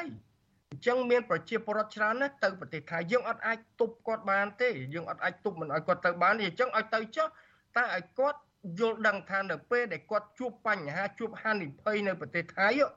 តើអ្នកណាខ្លះដែលអាចជួយគាត់បានតើលេខទូរស័ព្ទណាខ្លះដែលដែលដែលគាត់អាចតាក់ទងបានហើយទាំងអស់នេះគឺជាកតាបកិច្ចរបស់រដ្ឋទេ ដែលត្រូវធ្វើតែដោយសារតែមានការខកខានឬឆក់ល្វែងបានជាសង្គមស៊ីវិលបានដើរតួនាទីនេះបំពេញជួយទៅដល់រដ្ឋអញ្ចឹងផលផលដែលខាតគឺប្រជាពលរដ្ឋ ណាបាទហើយការទទួលខុសត្រូវគឺរដ្ឋាភិបាលតាមរយៈកតាបកិច្ចនេះឯងបើនិយាយដាច់ដោយឡែកមួយទៀតពាក់ព័ន្ធនឹងរឿងការបោះឆ្នោតមកដល់នៅពេលខាងមុខអញ្ចឹងវានឹងធ្វើឲ្យស្ថានភាពនោះបើសិនជាបញ្ហានេះកើតច្រើនទៅច្រើនទៅมันមានការទប់ស្កាត់ដោះស្រាយទេវានឹងធ្វើឲ្យប៉ះពាល់ទៅដល់ការបោះឆ្នោតព្រោះគេពិនិត្យមើលទៅលើការបោះឆ្នោតនោះគេពិនិត្យទាំងមុនបោះឆ្នោតមុនបោះឆ្នោតហ្នឹង តើមានអ្វីដែលកើតឡើងដែលវាកើតឡើង យើងថាវាសេរីវាយុត្តិធម៌ស្មើភាពគ្នាស្មើទេបើគណៈបកមួយគាត់លើកស្លាដូចមករៀមដៃអញ្ចឹងណាអឺអស់លោកលោកស្រីធ្វើដំណើរពីខេត្តបាត់ដំបងចូលទៅដល់ខេត្តបៃលិនភ្លាមយើងនឹងមើលឃើញភ្លាម ស្លាកគណៈបកណាដែលមានដូចមករៀមដៃអញ្ចឹងនៅរង្វង់មូលត្បូងក៏មាន នៅរង្វង់មូលមេតបមានដូចមករៀមដៃអញ្ចឹង 2ម៉ែត្រ3ម៉ែត្រពីចិញ្ចាំផ្លូវជាតិទៀតណាតើវាប៉ះពាល់ដល់សវត្ថភាពប៉ះពាល់ដល់សន្តិសុខទេការណែនាំរបស់ក្រសួងបាទអរគុណលោកយាយមលីដោយសារតែពេលវេលាយើងបានគៀកណាស់ទៅហើយសូមអរគុណចំពោះការរៀបរាប់របស់លោករបស់លោកហើយសង្ឃឹមថានៅពេលក្រោយយើងនឹងសភាលោកបន្តទៀតអំពីបញ្ហាស្ថានភាពសិទ្ធិមនុស្សនិងនយោបាយនៅក្នុងខេត្តបៃលិននេះនៅពេលក្រោយសូមអរគុណជំរាបលោកតែប៉ុណ្្នេះសិនបាទបាទជំរាបលាបាទអរគុណ បាទលោកនាងកញ្ញាជាទីមេត្រីអ្នកស្រីបានសេមុំដែលជាអភិបាលខេត្តបៃលិននេះគឺតែមានការរិះគន់ច្រើន អំពីការគ្រប់គ្រងអំណាចយ៉ាងតឹងរឹងជាពិសេសរារាំងទៅលើការសិទ្ធិមនុស្សនិងការគោរពសិទ្ធិនយោបាយផ្សេងផ្សេងទៀតតើអ្នកស្រីបានសេមុំជាអ្នកណាបាទនៅពេលនេះមានតែលោកយ៉ងច័ន្ទរាទេដែលរៀបរាប់លម្អិតអំពីប្រវត្តិសង្ខេបរបស់អ្នកស្រីបានសេមុំដែលជាអភិបាលខេត្ត បៃលិននៅពេលនេះដូចជួលលោកនាងដូចតទៅនេះបាទសូមជឿអ្នកស្រីបានស្រីមុំត្រូវបានរដ្ឋាភិបាលលោកហ៊ុនសែនផ្ដល់ទំនុកចិត្តឲ្យធ្វើជាអភិបាលខេត្តបៃលិន កាលពីចុងឆ្នាំ2020អ្នកស្រីបានថ្លែងនៅក្នុងពិធីចូលកាន់តំណែងថាអ្នកស្រីនឹងប្រឹងប្រែងស្ដារស្ថានភាពខេត្តបៃលិនឲ្យបានល្អប្រសើរនៅក្រៅវិបត្តិជំងឺ Covid-19 ដោយឈរទៅលើស្មារតីនៃកិច្ចសហការ និងសាមគ្គីភាព ខ្ញុំសូមបដិញ្ញាចិត្តថានឹងខិតខំប្រឹងប្រែងឲ្យអស់ពីសមត្ថភាពនឹងត្រៀមទទួលយកការចូលរួមនិងយោបល់ការអំពាវនាវឲ្យការសហការរៀនសូត្រពីគ្នាទៅវិញទៅមកដើម្បីពង្រឹងបន្ថែមនៅការជឿទុកចិត្តរបស់ថ្នាក់ដឹកនាំនិងក្តីសង្ឃឹមរបស់ប្រជាជនក្នុងខេត្តបៃលិនអ្នកស្រីបានស្រីមុំកើតនៅឆ្នាំ1975ដែលគិតមកទល់នឹងពេលនេះអ្នកស្រីមានអាយុ47ឆ្នាំហើយ អ្នកស្រីគឺជាភរិយារបស់លោកអ៊ីឈៀនអតីតអភិបាលខេត្តបៃលិន និងបច្ចុប្បន្នជារដ្ឋលេខាធិការក្រសួងការពារជាតិអ្នកស្រីធ្លាប់ធ្វើជាតំណាងរាស្ត្រមណ្ឌលខេត្តបៃលិន ចាប់ពីឆ្នាំ2013រហូតដល់ឆ្នាំ2020ចំពោះការសិក្សាវិញ គេមិនដឹងថាតើអ្នកស្រី បានសិក្សាជំនាញអ្វីនិងនៅសាលាណាខ្លះនោះទេ នៅក្នុងកម្រិតបរិញ្ញាបត្រនិងបរិញ្ញាបត្រជាន់ខ្ពស់ ក៏ប៉ុន្តែអ្នកស្រីទទួលបានសញ្ញាបត្របណ្ឌិត ពីសាកលវិទ្យាល័យចម្រើនពហុបច្ចេកវិទ្យាដែលជាសាលាល្បីឈ្មោះខាងចេញសញ្ញាបត្របណ្ឌិតឲ្យក្រុមមន្ត្រីរដ្ឋាភិបាលលោកហ៊ុនសែនគេក៏មិនដឹងដែរថាតើអ្នកស្រីបានស្រីមុំមានប្រវត្តិពីមុនយ៉ាងណាខ្លះនោះទេក៏ប៉ុន្តែអ្នកស្រីបានលេចមុខមាត់នៅខេត្តបៃលិន នៅឆ្នាំ2003ក្រោយការបោះឆ្នោតក្រុមប្រឹក្សាឃុំសង្កាត់អាណត្តិទី2 ពេលទៅដល់បៃលិនដំបងអ្នកស្រីបានបើកហាងខារ៉ាអូខេយីហោ555ដែលជាហាងខារ៉ាអូខេធំជាងគេនៅតំបន់នោះភ្ញៀវដែលចូលហាងខារ៉ាអូខេរបស់អ្នកស្រីបានស្រីមុំសុទ្ធតែជាមន្ត្រីលំដាប់ខ្ពស់នៅក្នុងខេត្តបៃលិន ជាពិសេសគឺអភិបាលខេត្តលោកអ៊ីឈៀនផ្ទាល់តែម្ដងលោកអ៊ីឈៀនកាលនោះមិនទាន់ជាស្វាមីរបស់អ្នកស្រីបានស្រីមុំនៅឡើយទេ ប្រពន្ធមួយចំនួនឲ្យដឹងថាអតីតមេយោធាខ្មែរក្រហមរូបនេះមានមុខនៅហាងខារ៉ាអូខេរបស់អ្នកស្រីបានស្រីមុំជាប់ជាប្រចាំរហូតដល់មានទំនាក់ទំនងស្នេហាជាមួយគ្នាក្រោយមកទៀតលោកអ៊ីឈៀនបានសម្រេចលែងលះប្រពន្ធដើមរបស់លោកដើម្បីមករៀបការនឹងរួមរស់ជាមួយអ្នកស្រីបានស្រីមុំវិញហើយហាងខារ៉ាអូខេ555នោះក៏ត្រូវបានបិទ ក្រោយពីខ្លាចជាស្ត្រីទី1នៅខេត្តបៃលិនហើយអ្នកស្រីបានស្រីមុំចាប់ផ្ដើមពង្រីកអំណាចរបស់ខ្លួនជាជំហានជំហានអ្នកស្រីបានច្បាមយកតួនាទីជាប្រធានសាខាកកបាតក្រហមកម្ពុជាខេត្តបៃលិន ពីលោកអៀងវុតកូនប្រុសរបស់លោកអៀងសារីគឺតួនាទីជាប្រធានសាខាកកបាតក្រហមកម្ពុជាខេត្តបៃលិននេះហើយដែលជាឈ្នន់សម្រាប់អ្នកស្រីជន់ឡើងទៅចិត្តជំទាវធំទី1គឺអ្នកស្រីប៊ុនរនីហ៊ុនសែនដែលជាប្រធានកកបាតក្រហមកម្ពុជា ទំនាក់ទំនងជាមួយភរិយារបស់លោកហ៊ុនសែននេះបានជួយឲ្យអ្នកស្រីបានស្រីមុំក្លាយជាតំណាងរាជខេត្តបៃលិនចាប់តាំងពីឆ្នាំ2013រហូតដល់ចុងឆ្នាំ2020នៅក្នុងរដ្ឋសភា អ្នកស្រីមិនមែនជាតំណាងរាស្ត្រធម្មតាទេ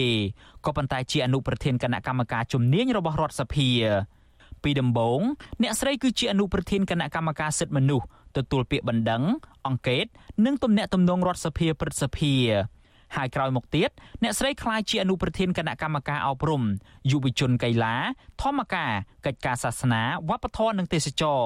ដែលមានលោកហ៊ុនម៉ាណីកូនប្រុសពៅរបស់លោកហ៊ុនសែនជាប្រធាន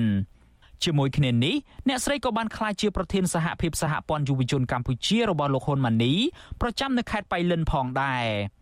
តាមរយៈទូនីតិជាតំណាងរាស្ត្រនិងជាប្រធានសហភាពសហព័ន្ធយុវជនកម្ពុជាដ៏មានឥទ្ធិពលនេះ អ្នកស្រីបានស្រីមុំចាប់ផ្ដើមបន្សាបអធិពលមន្ត្រីក្រាក់ក្រាក់និងខ្សែស្រឡាយផ្សេងពីអ្នកស្រី នៅក្នុងខេត្តបៃលិនអ្នកស្រីបានលាលែងពីសមាជិកសភាឯកបៈដើម្បីមកធ្វើជាអភិបាលខេត្តបៃលិន នៅចុងឆ្នាំ2020ខេត្តបៃលិន ដែលមានផ្ទៃដីប្រមាណ1000គីឡូម៉ែត្រការ៉េនិងមានពលរដ្ឋជាង70000នាក់នោះក៏មានបញ្ហារ៉ាំរ៉ៃដូចទៅនឹងខេត្តមួយចំនួនទៀតដែរគឺទំនាស់ដីធ្លី ក៏ប៉ុន្តែទំនាស់ដីធ្លីនៅប៉ៃលិនភៀកច្រើនគឺមានជាប់ពាក់ព័ន្ធទៅនឹងអ្នកស្រីបានស្រីមុំនិងសាច់ញាតិរបស់អ្នកស្រីផ្ទាល់តែម្ដងអង្គការមូលនិធិទិន្នន័យដីធ្លីដែលមានមូលដ្ឋាននៅប្រទេសហូឡង់បានរកឃើញថាអ្នកស្រីបានស្រីមុំនឹងស្វាមីគឺជាអ្នកបញ្ជាឲ្យគេឈូសឆាយនិងច្បាមយកដីធ្លីជិត700ហិកតាពីប្រជាពលរដ្ឋចំនួន147គ្រួសារនៅក្នុងខេត្តបៃលិនកាលពីឆ្នាំ2006 ក្រៅពីបាត់បង់ដីធ្លីហើយនោះប្រជាពលរដ្ឋចំនួន4នាក់ត្រូវបានគេចាប់ដាក់ពន្ធនាគារថែមទៀតដោយសារតែពួកគាត់បានវិលទៅកាន់ដីដែលគេច្បាមយកនោះពួកគាត់ត្រូវបានគេដោះលែងនៅក្រៅឃុំវិញជាថ្នូរទៅនឹងការចុះកិច្ចសន្យាបញ្ឈប់ការទាមទារយកដីនោះមកវិញប្រជាពលរដ្ឋមួយរូបនៅខេត្តបៃលិនឲ្យដឹងថាលោកស្រីបានបាត់បង់ដីធ្លីចំនួន8ហិកតា ដែលលោកស្រីនិងស្វាមីពិការបានខិតខំកាប់ឆ្ការបង្កបង្កើនផល ក្រោយធ្វើសមាហរណកម្មឆ្នាំ1996លោកស្រីបញ្ជាក់ថាអ្នកច្បាមយកដីនោះគឺជាខ្សែស្រឡាយរបស់អ្នកស្រីបានស្រីមុំអ្នកដែលយកដីភ្លីខ្ញុំហ្នឹងគឺជាខ្សែហោរបស់គាត់ហើយតាំងពីគាត់ឡើងគ្រប់គ្រងនឹងមកទី1វាមានការបង្កើតបនលបែងនឹងពវិច្រើនទី2ទៀតវាមានរឿងអយុត្តិធម៌ខ្លះខ្លះដែរពាក់ព័ន្ធនឹងរឿងចាប់រឿងចងរឿងធ្វើបាបអីចឹងទៅណា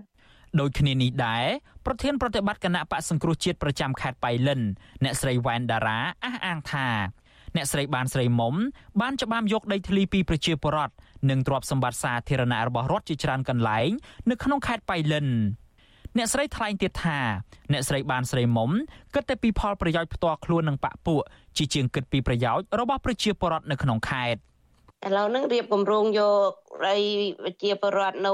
កន្លែងពលានយន្តហោះចាស់នោះទៀតហើយវិជាបរដ្ឋដាំដូងដាំឆ្លាដាំស្អីសັບគ្រប់ព្រាត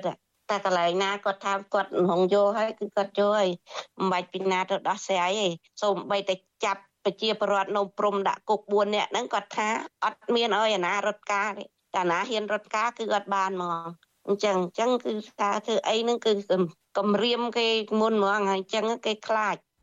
វិទ្យុអាស៊ីសេរីបានព្យាយាមតាក់ទងអភិបាលខេត្តបៃលិនអ្នកស្រីបានស្រីមុំជាច្រើនដង និងជាច្រើនថ្ងៃដើម្បីឆ្លើយតបរឿងនេះក៏ប៉ុន្តែទូរស័ព្ទហៅចូលពុំមានអ្នកទទួលហើយពេលខ្លះទៀតអ្នកស្រីទទួលហើយរួចក៏ចុចផ្ដាច់ទៅវិញជុំវិញរឿងនេះអ្នកនាំពាក្យគណៈបកកណ្ដាលអំណាចលោកសុកអេសាន បានចេញមកការពារអ្នកស្រីបានស្រីមុំថាដឹកនាំខេត្តបៃលិនបានត្រឹមត្រូវស្របទៅតាមគោលការណ៍របស់រដ្ឋាភិបាល និងរបស់គណៈបក ខ្ញុំការពារអញ្ចឹងហ្មងបាទពីព្រោះឥឡូវវាឆ្លោះបញ្ចាំងអំពីលទ្ធផលនៃការបោះឆ្នោតបើសិនណាជាជំទាវបានស្រីមុំក្នុងនាមជាមន្ត្រីជាន់ខ្ពស់របស់គណៈបកប្រជាជននៅទៅកាន់ជាអភិបាលខេត្តនោះធ្វើមិនត្រឹមត្រូវទេគណៈបកប្រជាជនអត់ទទួលបានផលិតឆ្នោតទេអ្នកស្រីបានស្រីមុំគឺជាសមាជិកគណៈកម្មាធិការកណ្ដាលគណៈបកប្រជាជនកម្ពុជាអ្នកស្រីបានជាប់ឈ្មោះថាជាស្ត្រីខ្លាំងនៅប៉ៃលិនដោយសារតែការបង្ក្រាបលើសិទ្ធិនយោបាយនិងការបញ្ចេញមតិ ក្រោយអ្នកស្រីឡើងកាន់តំណែងជាអភិបាលខេត្តប៉ៃលិនមិនដល់មួយខែផងតុលាការខេត្តនេះបានកាត់ទោសមន្ត្រីគណៈបកសង្គ្រោះជាតិ4នាក់ឲ្យជាប់ពន្ធនាគារចន្លោះពី5ឆ្នាំទៅ7ឆ្នាំពីបទរួមគំនិតក្បត់ប៉ុន្មានខែក្រោយមកទៀតគ្រូបង្រៀនម្នាក់ឈ្មោះយួងសូដាត្រូវបានតុលាការដដែលនេះផ្ដន្ទាទោសដាក់ពន្ធនាគាររយៈពេល1ឆ្នាំដោយសារតែលោកបានបង្ហោះសាររិះគន់ការសង់ស្ទូបមិត្តភាពកម្ពុជាវៀតណាមនៅក្នុងខេត្តប៉ៃលិន មន្ត្រីគណៈបកសង្គ្រោះជាតិអ្នកស្រីវ៉ែនដារ៉ាដែលកំពុងតែភៀសខ្លួននៅប្រទេសថៃពីការតាមចាប់ខ្លួនរបស់សមាជិកខ្មែរថ្លែងថាការធ្វើទុកបុកម្នេញលើសកម្មជននយោបាយប្រឆាំងនៅក្នុងខេត្តបៃលិននេះគឺធ្វើឡើងតាមការបង្គាប់បញ្ជារបស់អ្នកស្រីបានស្រីមុំនេះឯងចរិតលោកស្រីបានស្រីមុំនេះគឺថាអត់ខុសពីចរិតលោកហ៊ុនសែននេះគឺថាគាត់ចង់ផ្ដាច់មុខនិយាយរួមទៅប្រ ជាពលរដ្ឋថាតែបៃលិនគឺមិនមែនជាខេត្តបៃលិនទេគឺជាប្រទេសបៃលិនព្រោះធ្វើអីខុសគេដឹកនាំគ្មានដឹងថាធ្វើអញ្ចេះវាខុសធ្វើអញ្ចេះវាត្រូវអីអត់ទេធ្វើមិនធ្វើតែឲ្យតែគាត់ឈ្នះចង់មានតែឯងផ្ដាច់ការតែឯងធ្វើអីតែឯងចង់អញយកអីក៏បានអត់មានចង់ឲ្យណាចូលខេត្តបៃលិននេះនិយាយរួមទៅគឺគាត់ចង់ផ្ដាច់មុខខេត្តបៃលិននឹងជារបស់គាត់ក្រុមគ្រួសារគាត់ហ្មង ករណីជាក់ស្ដែងមួយទៀតគឺអ្នកស្រីបានស្រីមុំបានប្រើអំណាចជាអភិបាលខេត្តបណ្ដេញមន្ត្រីរាជការចេញពីក្របខ័ណ្ឌតាមតែអំពើចិត្តផ្ទុយពីច្បាប់សហលក្ខន្តិកៈមន្ត្រីរាជការស៊ីវិលអ្នកស្រីបានបណ្ដេញគ្រូពេទ្យមួយរូបឈ្មោះខមនីកុសល ចេញពីក្របខ័ណ្ឌមន្ត្រីការិយាល័យបង្ការនិងគ្រប់គ្រងជំងឺនៃមន្ទីរសុខាភិបាលខេត្តបៃលិនដោយគ្រាន់តែលោកបញ្ចេញមតិចំពោះភាពអសកម្មរបស់មន្ត្រីមួយចំនួន នៅមណ្ឌលចាត់តល័យស័កនៅមន្ទីរបកខេត្តបៃលិន លោកខមនីកុសល គឺជាមន្ត្រីសុខាភិបាលប្រចាំការនៅក្នុងខេត្តបៃលិនតាំងពីឆ្នាំ1998ក៏ប៉ុន្តែលោកមាននិន្នាការគ្រប់គ្រងគណៈបកប្រឆាំងហើយបច្ចុប្បន្ននេះលោកគឺជាប្រធានប្រតិបត្តិគណៈបកភ្លើងទៀនខេត្តបៃលិនអ្នកស្រីបានស្រីមុំមិនបានលាក់បាំងនៅការរើសអើងផ្នែកនយោបាយនិងការដឹកនាំបែបគៀបសង្កត់សិទ្ធិសេរីភាពរបស់អ្នកស្រីនោះឡើយ នៅក្នុងពិធីប្រកាសសុពលភាពក្រុមប្រឹក្សាជាប់ឆ្នោតនៅខេត្តបៃលិនកាលពីដើមខែកក្កដាកន្លងទៅអ្នកស្រីបានប្រៀបធៀបក្រុមមន្ត្រីគណៈបកភ្លើងទៀនថាជាក្រុមដង្កូវសង្គមនិងប្រមានកំចាត់ពួកគេចោលថែមទៀតផងចឹងបណ្ដឡើងវិញច្បាស់គិតសារវិញច្បាស់មុននឹងធ្វើនយោបាយសិក្សាច្បាស់សិនជំរឿដល់ល្អខ្ញុំអត់មានថាទេខ្ញុំខ្ញុំធ្វើការកាន់រំលឹកជួនកាលមនុស្សយើងធ្វើខុសមិនមានអ្នកកាន់រំលឹកអត់ដឹងថាខ្លួនឯងធ្វើខុសទេ ខ្ញុំក៏រំការរំលឹកថាយើងធ្វើអីក៏ដោយយើងគិតឲ្យវែងហើយពួកខ្ញុំអត់ដែររើអានជាមួយអស់លោកទេគេមិនមែនបង្រៀនមនុស្សឲ្យមកទៅតឹងទិសឆ្លើយដើម្បីបំពុលសង្គមជាតិដង្កើក្នុងសង្គមទេអញ្ចឹងគេមិនទុកទុកឲ្យយើងនៅទេឲ្យច្បាស់ទៅដល់បើយើងជាដង្កើគេនឹងឆ្កេះប្រវត្តិចោលឬក៏គេដាក់ឆ្នាំបំពុលនោះ សារនយោបាយបែបគម្រាមកំហែងនិងប្រកាន់បកពួកបែបនេះរបស់អ្នកស្រីបានស្រីមុំបានជះឥទ្ធិពលមិនល្អទៅដល់ការបំពេញមុខងាររបស់មន្ត្រីក្រមប្រឹក្សាជាប់ឆ្នោតមកពីគណៈបកដតីចៅសង្កាត់រងទី2នៅសង្កាត់អូតាវ៉ៅក្រុងប៉ៃលិនអ្នកស្រីយ៉ាកំលេងថ្លែងថាអ្នកស្រីនឹងក្រុមប្រឹក្សាជាប់ឆ្នោត4រូបផ្សេងទៀតនៃគណៈបកភ្លើងទៀននៅក្នុងខេត្តបៃលិនបានរងការរើសអើងផ្នែកនយោបាយជាពិសេសមេឃុំចៅសង្កាត់គណៈបកកណ្ដាលអំណាច មិនបានបែងចែកតួនាទីនិងភារកិច្ចដល់ពួកលោកស្រីឲ្យស្របទៅតាមច្បាប់នោះឡើយគាត់ប្រើពាក្យបែបបញ្ឆិតបញ្ឈៀងបែបស្អីឲ្យណែនាំសុំឲ្យអ្នកដែលជាប់ឆ្នោតនឹងគោរពច្បាប់គោរពច្បាប់គោរពច្បាប់ធ្វើអីតាមច្បាប់ហើយបើអ្នកណាមិនល្អឬក៏មានអីចាប់ឲ្យបានមានកំហុសអីចឹងណាគាត់ជា